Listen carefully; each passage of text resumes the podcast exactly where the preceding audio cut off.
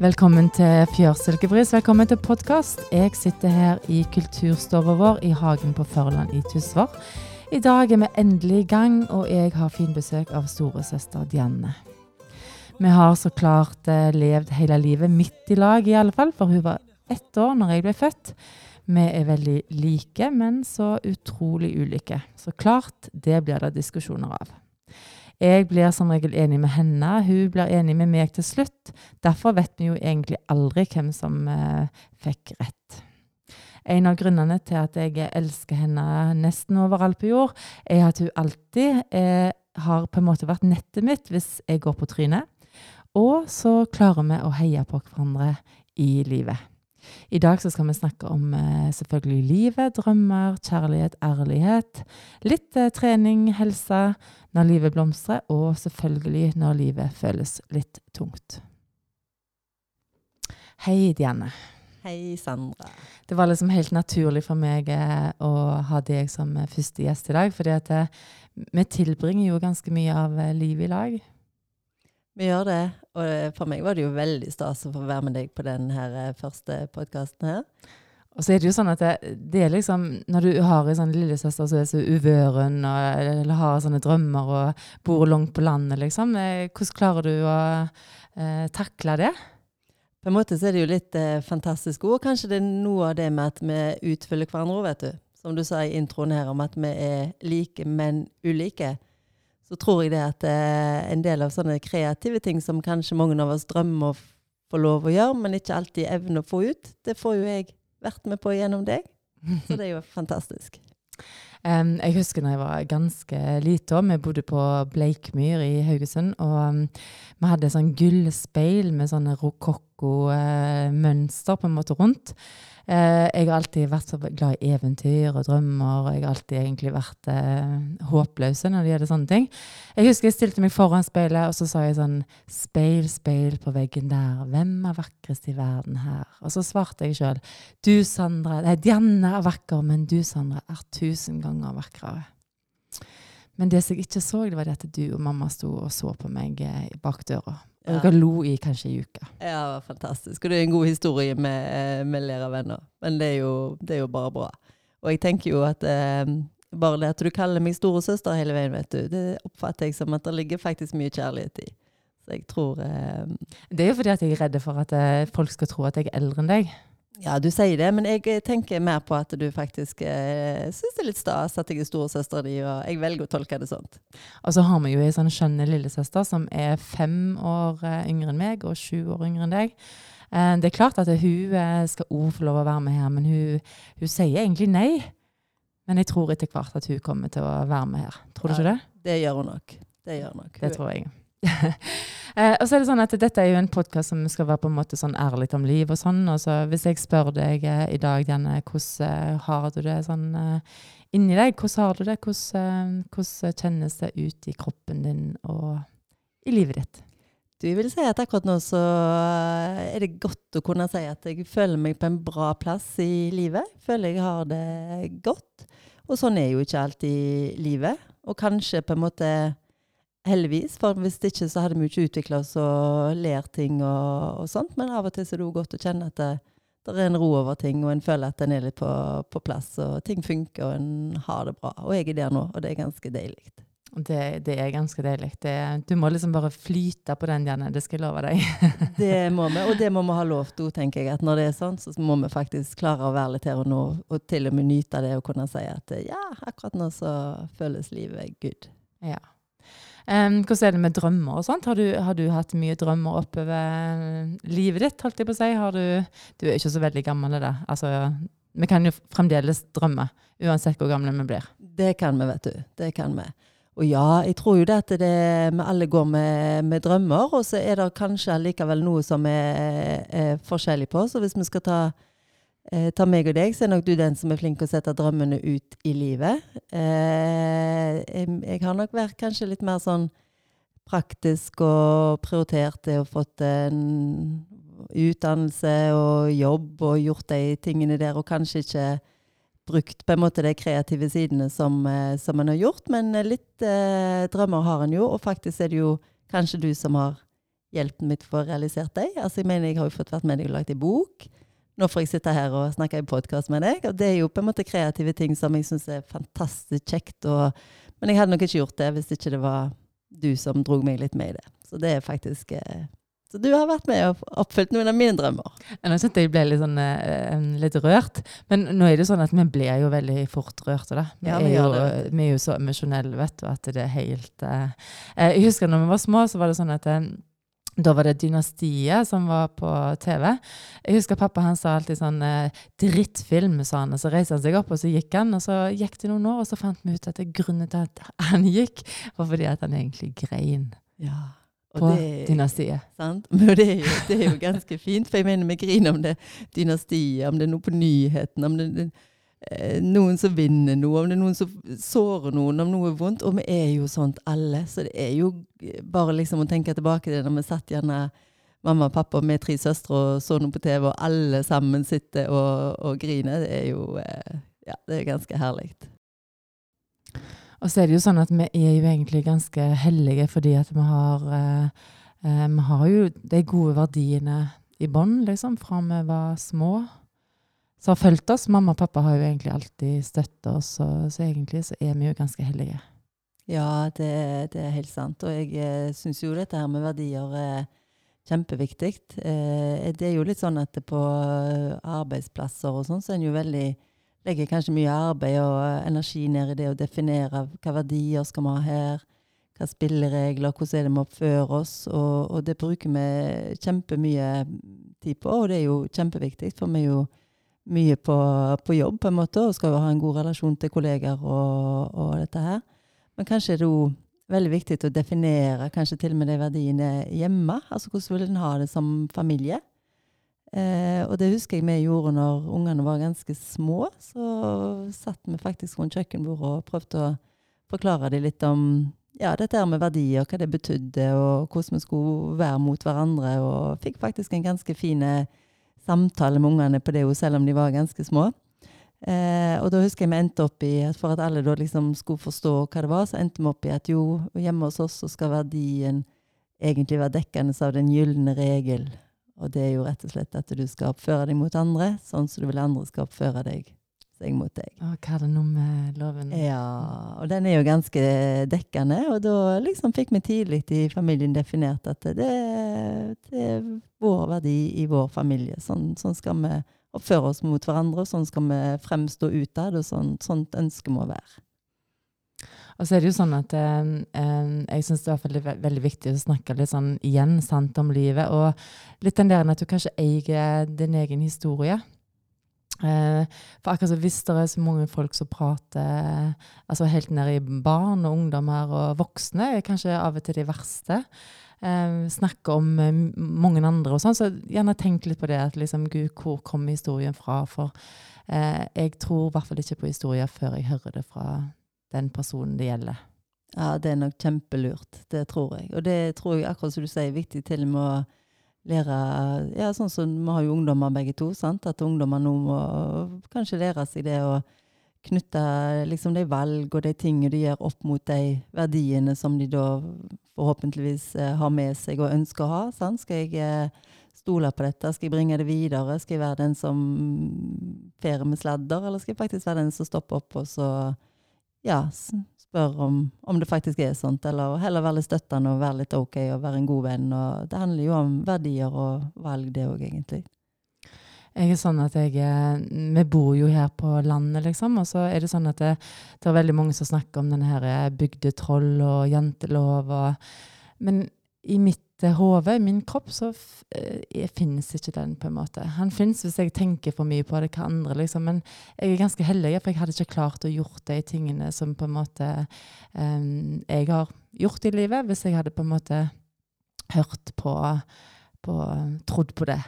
Nei, du er nok mye flinkere vet du, til å lytte på din indre stemme enn eventuelle stemmer. meg, på utsida, så det, det, er jo kjempeviktig. Klart at det er det. Men det er faktisk sant. Jeg tenker at eh, Hvis du bruker for mye energi på, på bygdatroll eller på, på jantelov, sånn, så er det jo på en måte der energien går, og da, da blir det jo vanskelig, da.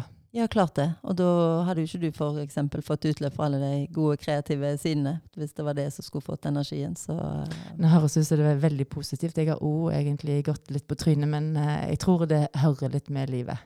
Ja, vet du hva. Det er, selv om det er vondt å stå opp i sånne ting, så, så er det jo det som òg gir vekst og utvikling, og som vi lærer noe av. og i grunnen så hadde kanskje livet til og med blitt litt kjedelig hvis det hele veien skulle gått, eh, gått på skinner. For det er, jo, det er jo heller ikke sånn at det, altså På et eller annet tidspunkt så tror en jo kanskje at det, eh, en ønsker seg eh, kanskje mye materielle ting. da, sant? En skal få seg en utdannelse, en skal få god jobb, en skal ha et fint hus, en skal ha en fin bil, en vil helst ha hytte med sjøen og hytte på fjellet. og eh, ja, ting og tang. Men jeg tror at eh, de fleste opplever at det, det er ikke det som gir en, en lykke. Om en skaffer seg alle de tingene som en har på ønskelista, så, så, er det faktisk ikke det som, som gir oss noe lykke. Det er, noe, det er, noe, annet inni oss, og det må vi kanskje lete etter å åpne opp for oss og finne. Og så er det kanskje der stresset kommer inn, da. For eh, hvis du på en måte stresser for å nå alt det du tror egentlig vil gjøre deg lykkelig, hvis det er det sånn du Ofte så er det jo bare sånn vi er. Vi tenker jo ofte at eh, hvis vi bare hadde hatt eh, det, så hadde liksom livet vært eh, Eller hvis han ikke hadde sagt det, eller hun ikke hadde gjort det. Eller hvis eh, så hadde ting vært eh, Jeg tror at vi må bli flinkere til å mm, eie det sjøl. Ja, det er helt sant. Men det er jo ikke så lett alltid heller. I den travle, hektiske hverdagen som de aller fleste har, så er det jo ikke det. Men det er jo eh, Nei, jeg er helt enig med deg. Være litt bevisste på de tingene og kjenne etter av og til hva som, hva som faktisk gir en, en, ro og lykke, og når en har det bra. Og da er det kanskje de enkleste tingene.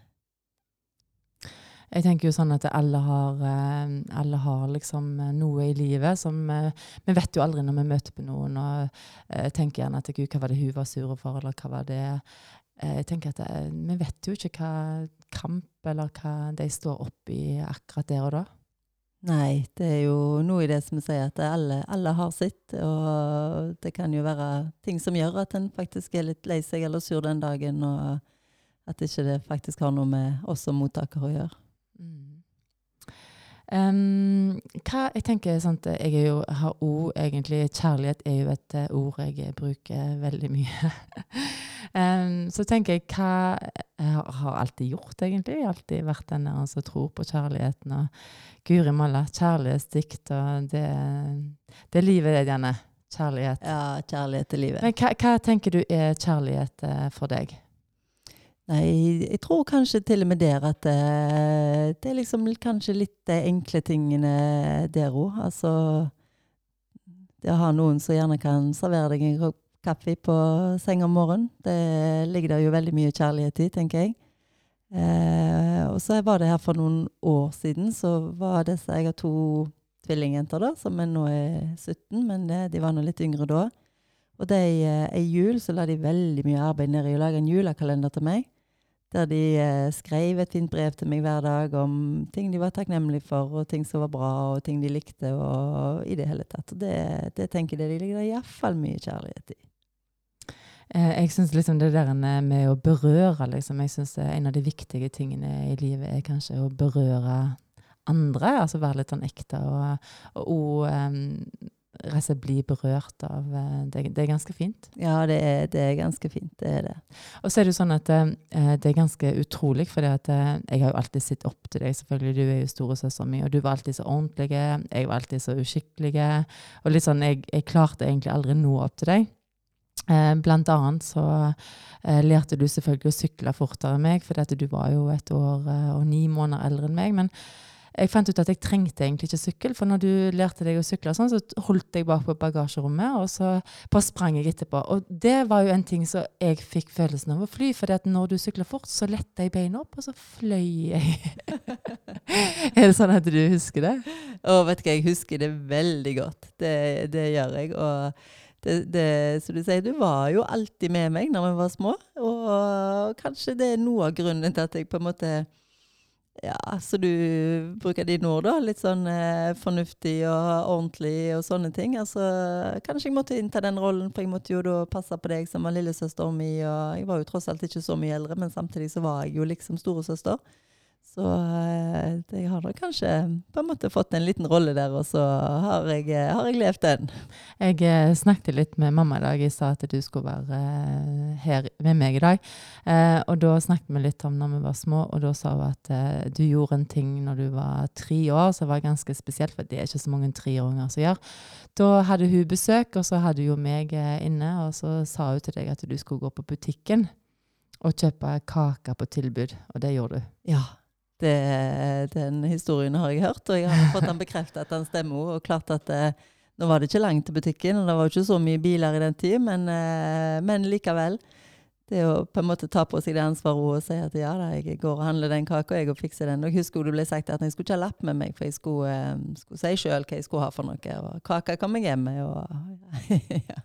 Det er jo sånn at jeg fikk eh, barn først. Jeg har jo eh, to eh, gutter som er blitt ganske store nå, 25 og 23. Eh, og så fikk du en gutt, og så eh, fikk du tvillingjenter, og det var jeg bare så utrolig eh, Litt sånn misunnelig, faktisk, når du fikk tvillingjenter. Um, Uh, og så hadde du sånn tvillingbøker, sånn graviditetsbøker, heter det det? Nei, gravidbøker. Eh, og så eh, hadde jo jeg truffet Øyvind der, og så eh, skulle vi prøve å få barn. Og så jeg, tok jeg med meg de bøkene hjem, for da sa jeg at jeg har tenkt å få tvillingjenter, jeg òg. Eh, og det er sånn eh, statistisk ikke ganske Ikke helt eh, Nei, jeg tror jo ikke at det er så vanlig. For det er jo ikke sånn at det er så veldig mye tvillinger i familien vår heller. Litt er det jo, men at vi begge søstre skulle Så litt over et år etterpå så fikk eh, vi tvillingjenter. Ja. Og tenk det. Og når jeg kom på sykehuset og skulle ha ultralyd, og sånn, så sa jeg at det er nok to. For jeg er så dårlig, og det var søsteren min jo. Det river jo. Eh, eh, Ennå så er jeg den drømmeren og den eventyret. Og det, det er bare ja da, ja da, ja da. Og så var det to. Og så når de skulle se hva kjønn det var, så sa jeg det er nok to jenter, for det har søstera mi jo. Og så sa de det er to jenter. så vi har altså tvillingjenter begge to. Vi er bare eh, ett år og fire måneder imellom, eller noe sånt. Ja, ja, det er jo helt uh, fantastisk. Og gud, så mye kjekt vi har hatt med det double twins, Ja. vi kaller de for. Så det, det er egentlig ganske fantastisk altså, Mm. ha vi, Igjen, vi er hellige. I dag har vi sagt at vi er veldig hellige. Ja. Um, og, og det er jo sånne ting som har lært oss at hvis vi på en måte ikke lever for mye oppi hodet med tanker uh, uh, akkurat nå, så fy fader, vi er ganske hellige. ja, det er vi. Tenk så mye bra vi har rundt oss og i det hele tatt. Så nei, vi, vi er hellige, og det må Mm. være lov å si. Det har vi lov å si. Og så er det jo sånn at vi har jo egentlig trent eh, ganske mye i lag, eh, i alle fall de siste årene. Jeg trente ikke så mye egentlig, vi holdt jo på med hester og sånn når vi var helt unge. Du trente litt styrke, gjorde du ikke det? Jo, så har nok eh, kanskje trent eh, litt tidligere enn deg med litt andre ting, men eh, vi har jo trent veldig mye i lag de siste åra, og det har jo vært noe som er kjekt å dele. Vi har eh, absolutt eh, vært en del på joggeturer og sånt, og det har vært kjekt. Og nå er vi jo så heldige at Øyvind han kommer til å legge ut litt sånn eh, intervalltreninger. og litt sånn, Han kommer hjem fra sjøen neste uke, så neste podkast skal han være med. Um, og det er jo klart at i hvert fall jeg trenger litt mer sånn intervall og litt sånne ting inn i min hverdag. Ja, og det gjør jo jeg òg. Mhm. Jeg er jo fremdeles ute, og gjerne Men jeg, jeg kom til på et sånn eh, punkt at jeg føler jeg er ute og jogger rolig. Og, så nei, absolutt. Det trenger jeg òg, så da skal jeg eh, følge tipset hans. Eh, vi sprang jo halvmaraton maraton i lag for noen år siden. Eh, vi har hatt noen turer rundt eh, Hesjadalen her. Helt, eh, det er ganske tungt, altså. Ja, det er jo det, men inspirerte hverandre, vet du, og hadde det litt kjekt underveis, så gikk det. Nå kom jeg på en litt sånn morsom ting, fordi at eh, det er jo sånn at eh, vi har reist på noen sånne treningsturer i lag. Eh, I lag med KK, faktisk. Eh, to ganger. Ja, magasin i KK. Mm. Eh, og jeg husker den eh, jeg vet ikke om det var den siste turen vi var. Da, da var vi på, da hadde vi boksing, vi hadde løping, vi hadde selvfølgelig yoga. Det er vi veldig glad i.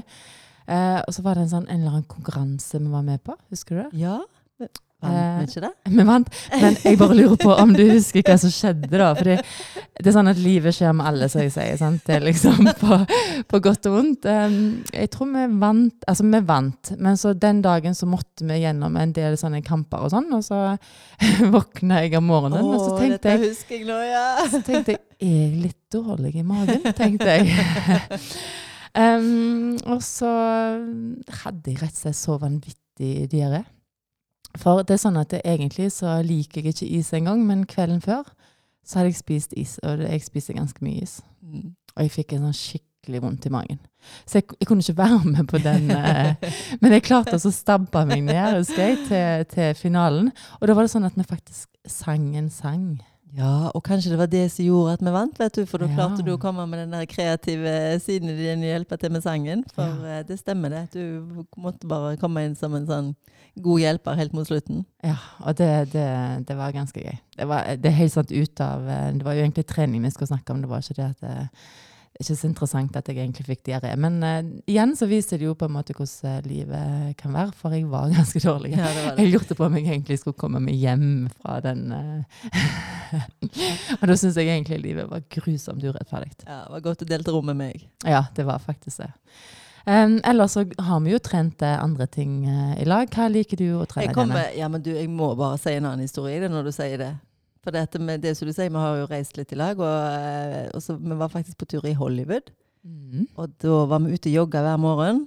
Og vi jogga oppover Beverly Hills og så på de fine husene. Og når vi snudde oss nedover, så så vi jo mer på husene enn andre ting. Så da klarte jeg å snofle i en fortauskant. Vet ikke om du husker det? Og jeg ramla og slo meg skikkelig. Men uh, du hjalp meg jo ikke. Nei, for jeg bare lo, og så For tenkte da, jeg at og så sa du at eh, hvis du bare ligger der nå, så kan det være at det kommer en kjendis ut og så, og så forbarmer seg over oss. Så får vi kanskje komme inn i huset og se. Men eh, det var det jo ingen som gjorde da. Og grunnen til at vi var der, det var en helt annen historie. Vi var 16 dager faktisk i Ja. Hollywood, og det var fordi at det var eh, min Anders, eh, som er nå 23 år, han, eh, eh, han tok oss med til Hollywood, vil jeg si. Ja. Fordi at han hadde vunnet en sånn ungdomskulturmønstring, og vi skulle liksom følge drømmen hans om film, og, eh, og det var gøy. ja, det var en skikkelig kjekketur. Ja, det var det. det. Men, men du fikk jo faktisk vondt i hofta di da? Ja, så klart at eh, jeg fikk eh, vondt i hofta, for jeg slo jo på meg både noen sånne slimposebetennelser, så jeg gikk over i senebetennelser. Og, så jeg har jo brukt fire år før det liksom ble bra. Så klart at eh, Er det ikke fem år siden vi var der? Ja, jo, men nå har jeg vært bra i litt ja, sånn, stund. ja. Så det Mm. tok iallfall fire år før det gikk over. Så nå har jeg jo så vidt begynt å, å jogge igjen. Så klart at jeg trenger jo litt tips fra både deg og, og Øyvind om både det å stelle litt godt med hoftene sine, for det trenger jeg. Jeg tenker kanskje at eh, denne uka, vi har ikke planlagt så mye egentlig, denne uka så uh, kan vi legge ut litt sånne tips om eh, hofter, rett og slett, i forhold til yoga, uttøying. Eh, eh, du kan være med meg inn etterpå i treningsrommet, så kan jeg ta noen bilder av deg, og så kan vi forklare litt.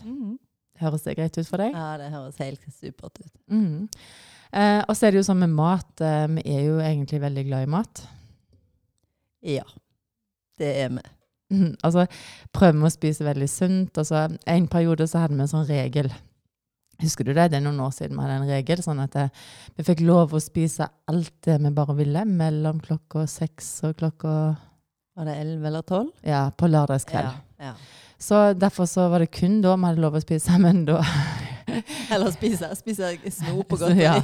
jeg, jeg klarte i hvert fall å få ganske mye ned i løpet av de timene. Så jeg var liksom hele søndagen var omtrent ødelagt. For jeg sparte egentlig opp eh, Ja. Eh, men ellers er du jo glad i mat. Jeg er veldig glad i god mat. Det, det er liksom litt av meningen med livet, det Mm. vil jeg si. Eh, vi skal gå ut eh, i eh, åkeren etterpå, og så skal vi plukke inn noe eh, gode grønnsaker. Og så har vi egentlig ikke helt bestemt oss hva vi skal lage ennå, men det finner vi ut. Ja, og det der er jo du så god på. Det plukker et eller annet, og så blir det, så blir det bare noe. Og det er jo sikkert en god taktikk å gjøre i dag òg. Jeg er sikker på det blir noe spennende. Og vet du at jeg trenger ikke så mye tid, og så trenger jeg ikke jeg bare finne på det der og da, for at jeg har et sånn hode som er skrudd sammen. Jeg ikke så- så godt oppskrifter heller, for jeg, jeg tenker at det blir bra. Men vi finner på noe, og så skal vi legge det ut på Facebook-gruppa. Og så er det jo sånn at um, vi opplevde jo det folk egentlig Altså, vi opplevde jo noe som var helt grusomt i familien vår for sånn sju-åtte år siden. Det begynte jo egentlig da. Uh, du mista jo uh, mannen din uh, som Magni i kreft, og um, rett etterpå omtrent så døde pappa av kreft. Da ble jo trening og kosthold kanskje enda viktigere for, for oss, fordi at vi fikk litt sånn ekstra fokus på å forebygge og sånt. Hva tenker du om eh, det, Diane? Ja, det, det stemmer det, det, Og kanskje både som på en måte forebygging, men òg så fikk en kanskje kjenne på hvor godt det gjør faktisk med litt eh, trening og fysisk aktivitet i, når en står i litt vanskelige ting, da. Så, så, for meg så var det i alle fall en sånn favorittrunde å komme opp til en plass som heter Presten i, i Haugesund. er veldig fine tur, turløyper og rundløyper. Og klart at når du kommer på toppen der, og du er svett og kavt og sliten, og likevel på en måte ser på den fantastiske utsikten, og ja, så kjenner en kanskje at OK, det er, det er mer enn akkurat det der lille vonde som en står i. Er, livet er, er, liksom mer enn det òg, og det å få bruke kroppen sin litt og sånt, det gjorde Eh, godt i den tida, og så har det nok gitt eh, veldig mye ettertid. Så det er iallfall noe som vi har holdt på, alle sammen. Så det er trening og fysisk aktivitet det, det er en viktig del av hverdagen min, iallfall.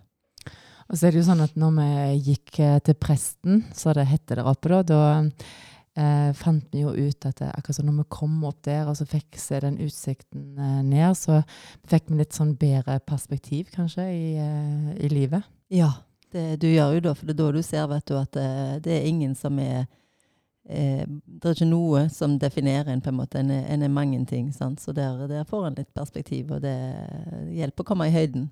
Mm. Um, jeg pleier å si at uh, det er liksom den der viljen og disiplinen som òg er ganske viktig uh, når det gjelder trening, for det er det mange som ikke kommer i gang med trening. Uh, jeg tenker ofte at hvis du setter av i hvert fall 20 minutter hver dag, så får du gjort ganske mye bra for kroppen. Og så Istedenfor å gjerne si tre ganger i uka, så gjerne tenk at du trenger kanskje ikke mer om 20 minutter hver dag.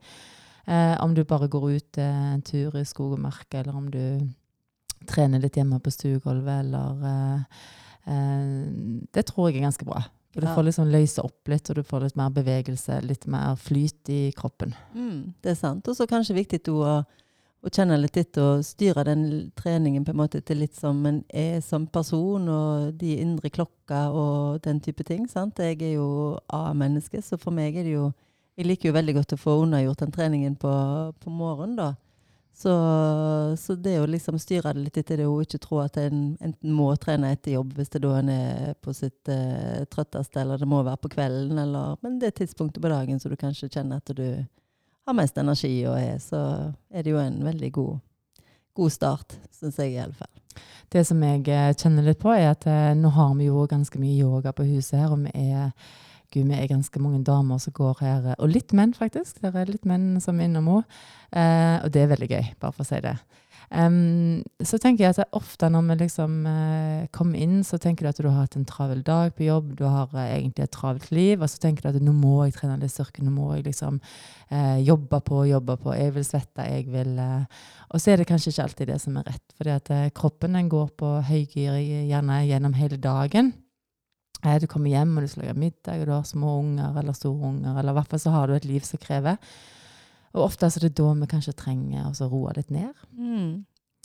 Fordi at vi har så mye stress i kroppen. og vi har, uh, Så det, jeg syns helt klart at det, det, er veldig godt å kjenne at jeg har trent, og kjenne, men jeg syns det er utrolig godt å åpne litt opp. Ja, det, det er helt, helt, klart. Det kan jeg nå kjenne litt på sjøl òg. Jeg nok, var nok lenge i en sånn at det, var, det ga på en måte en slags dårlig samvittighet hvis en ikke hadde eh, trent hardt nok og fått, hatt høy nok puls eller eh, var gangsperr nok. Eller, eh, men jeg har jo lært meg til det å kjenne litt på hva, hva har jeg behov for i dag. Er det å gå seg en tur? Er det å gjøre litt yoga? Eller er dette dagen for å faktisk eh, ta seg litt ut på en litt god og lang løpetur? Så det å lytte til kroppen er jo kjempeviktig. Å ta seg tid til litt ro og, og ja, slappe litt av henne. Det, det må vi gjøre. jeg føler at det, det er liksom de kravene. Vi skal ikke alltid ha krav. At vi alltid skal um, uh, Veldig lenge, veldig uh, Så når jeg deg f.eks. skulle inn og handle, eller uh, Ofte så fulgte jo jeg deg på shopping, for jeg hata egentlig å shoppe før. Så jeg var liksom med deg og hang etter. Så går det så fort, vet du. Ja. Sånn? når du handler sånn, så fyker du gjennom butikken og du bare går så fort. Men de siste årene nå, så er det klart at jeg tror kanskje eh, du har klart å få tempoet ned, og jeg har i alle fall klart det. ja, og jeg har klart det. Og jeg ser jo nesten med skrekk og gru tilbake på hva tempo jeg egentlig eh, bare gikk om jeg skulle gå gjennom en butikk og handle eller i skolen. Det så ut som jeg alltid var på full fart og hadde det så travelt og skulle nå noe. Og traff jeg noen, så var det liksom Hvor skal du? Nei, jeg skal jo i grunnen ingen plass. sant? Jeg er ute og går en tur i byen eller hva det er. Så nei, nå går jeg i et annet tempo, og det er ganske deilig. Jeg lurer egentlig på, på av og til hva, hva, det er vi skal nå, og hva det er vi skal Vi må egentlig lære å bremse litt, fordi at ellers så Ellers så taper vi. Ja. og sånn er det egentlig med pusten nå. Eh, så jeg sa i den forrige podkasten, så jeg, snakket jeg litt om pusten. at um, En stund så tror jeg nesten at jeg, når jeg var unge, at pustemusklene lå oppi kragebeinet her. For jeg pusta jo ikke ned i magen i det hele tatt. Men det er klart at når du liksom finner den der flyten i kroppen og finner det er ganske godt, altså. Det er ganske mm. godt å kjenne på pusten og kjenne at du faktisk kan være litt til stede. Ja, ja det, det, er faktisk ganske godt. Og det er jo ganske gode teknikker å bruke over hvis du skal Altså til og med jobbe sammenheng. Hvis du skal gjøre noe som du syns er litt ubehagelig, eller du skal ha et foredrag, eller du skal snakke om noe som ikke er Så det å gjøre noen av de pusteøvelsene som du har eh, lært oss på yogatimene dine, og sånt, det, det, hjelper jo faktisk òg. En får en, eh, får en indre ro, og en er liksom litt mer klar for klar for det meste. Jeg tenker jo at eh, yoga og litt sånn den tilstedeværelsen handler vel kanskje først og fremst om eh, omsorg. Eh, litt sånn å være god, kjærlighet til seg sjøl.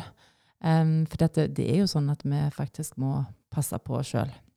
Eh, og yogamatte for meg det er sånn at det er en sånn friplass i en sånn hektisk eh, periode, selv om det faktisk er jobben min. Så eh, i sommer så har jeg liksom hatt ei matte på terrassen og sånt om morgenen. Og av og til så trener jeg harde yoga, av og til så bare ligger jeg der. For det, det, det er det som kroppen min vil akkurat da. Er du enig i det? ja, det høres veldig lurt ut. Og det er jo eh, sånn en bør eh, tenke og prøve å, å få til. Eh, jeg tenker at det, følelsene er jo i kroppen eh, egentlig for å lære oss noe. Um, så egentlig alle følelser er like viktige.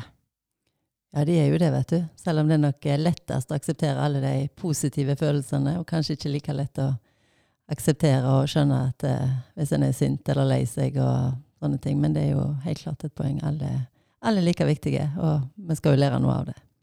Eh, det som har vært min, eh, altså mitt mål eh, de siste årene, er liksom å finne den der stillheten i kroppen.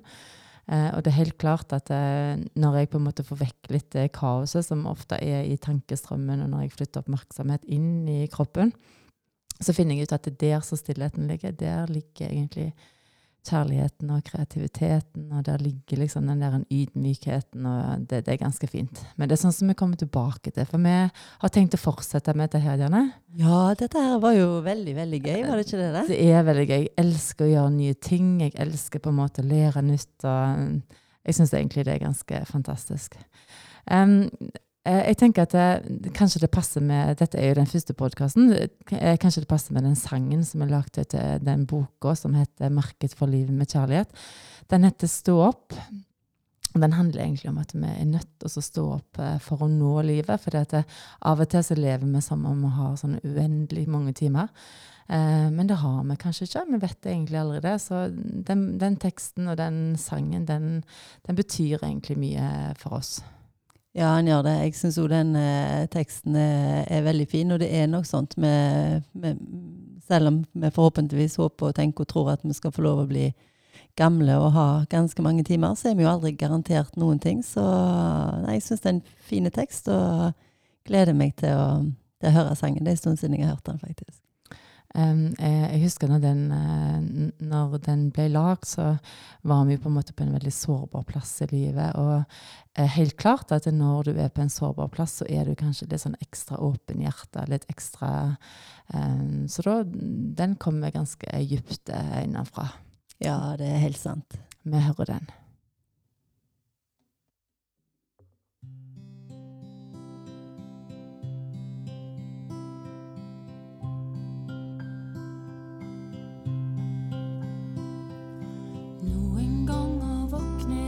av sola. Hun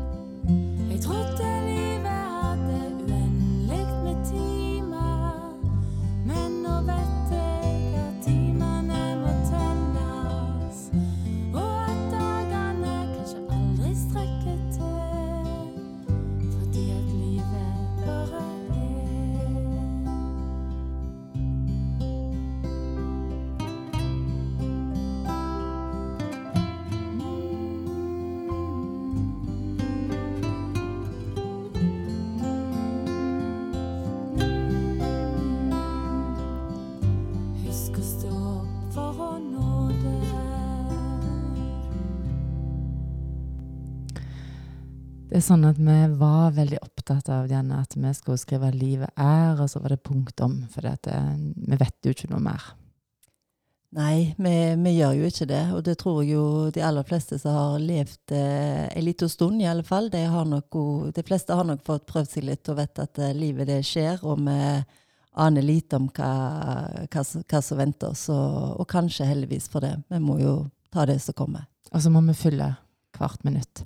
Jeg husker vi lovte pappa Det står faktisk i den boka at eh, vi lovte pappa at vi skulle følge hvert minutt av eh, livet med, med, livet. Ja, det, det med, og, da, og, og, kanskje ikke minst da skjønner at det å følge hvert minutt med livet, det er, det er livet på godt og vondt. At ikke det betyr at eh, resten av livet bare skal være fantastisk og rosenrødt. Og, men ta imot livet og åpne opp for det. Eh, jeg er så glad for å ha deg, eh, Dianne. Og eh, jeg vil gjerne si takk for besøket. Det, det, var veldig Det er sånn at når du kommer på besøk til meg, så kjenner jeg med en gang du kommer at Oi, der kommer Dianne. Og så kjenner jeg sånn Oi, jeg får ikke håpe jeg må gå med en gang, for jeg blir redd for at du må gå etter, etter kvarter, liksom. Men i dag så syns jeg vi har hatt veldig god tid. Og nå skal vi ut på treningsrommet. Vi skal ut i åkeren. Og vi skal skape ting som vi faktisk skal legge på denne Facebook-gruppa vår. Så eh, jeg tenker at livet kan ikke bli bedre enn akkurat nå. Nei, og så blir ikke bedre, livet bedre enn det som vi fyller det med, og, og sånn som vi vil ha det. Så dette har jo vært eh, veldig, veldig kjekt. Så tusen takk for at eh, jeg fikk komme og være med deg her i dag. Vær så god. um, det er sånn at um, Øyvind han skal være med på neste episode. Så, og nå kjenner dere jo meg ganske godt etter hvert, tror jeg, i hvert fall når du hører på her, at jeg liker ikke å planlegge ting eh, for mye. Jeg vet bare at det selvfølgelig skal handle om mat, det skal handle om trening, det skal handle om uh, livet. Um, så det, det, det tar vi. Så det kommer. Så da vil jeg egentlig bare eh, si at eh, lag dere ei fin uke. Prøv å være litt nysgjerrig på livet. Prøv å nyte livet. Prøv å nyte hverandre. Ha det bra.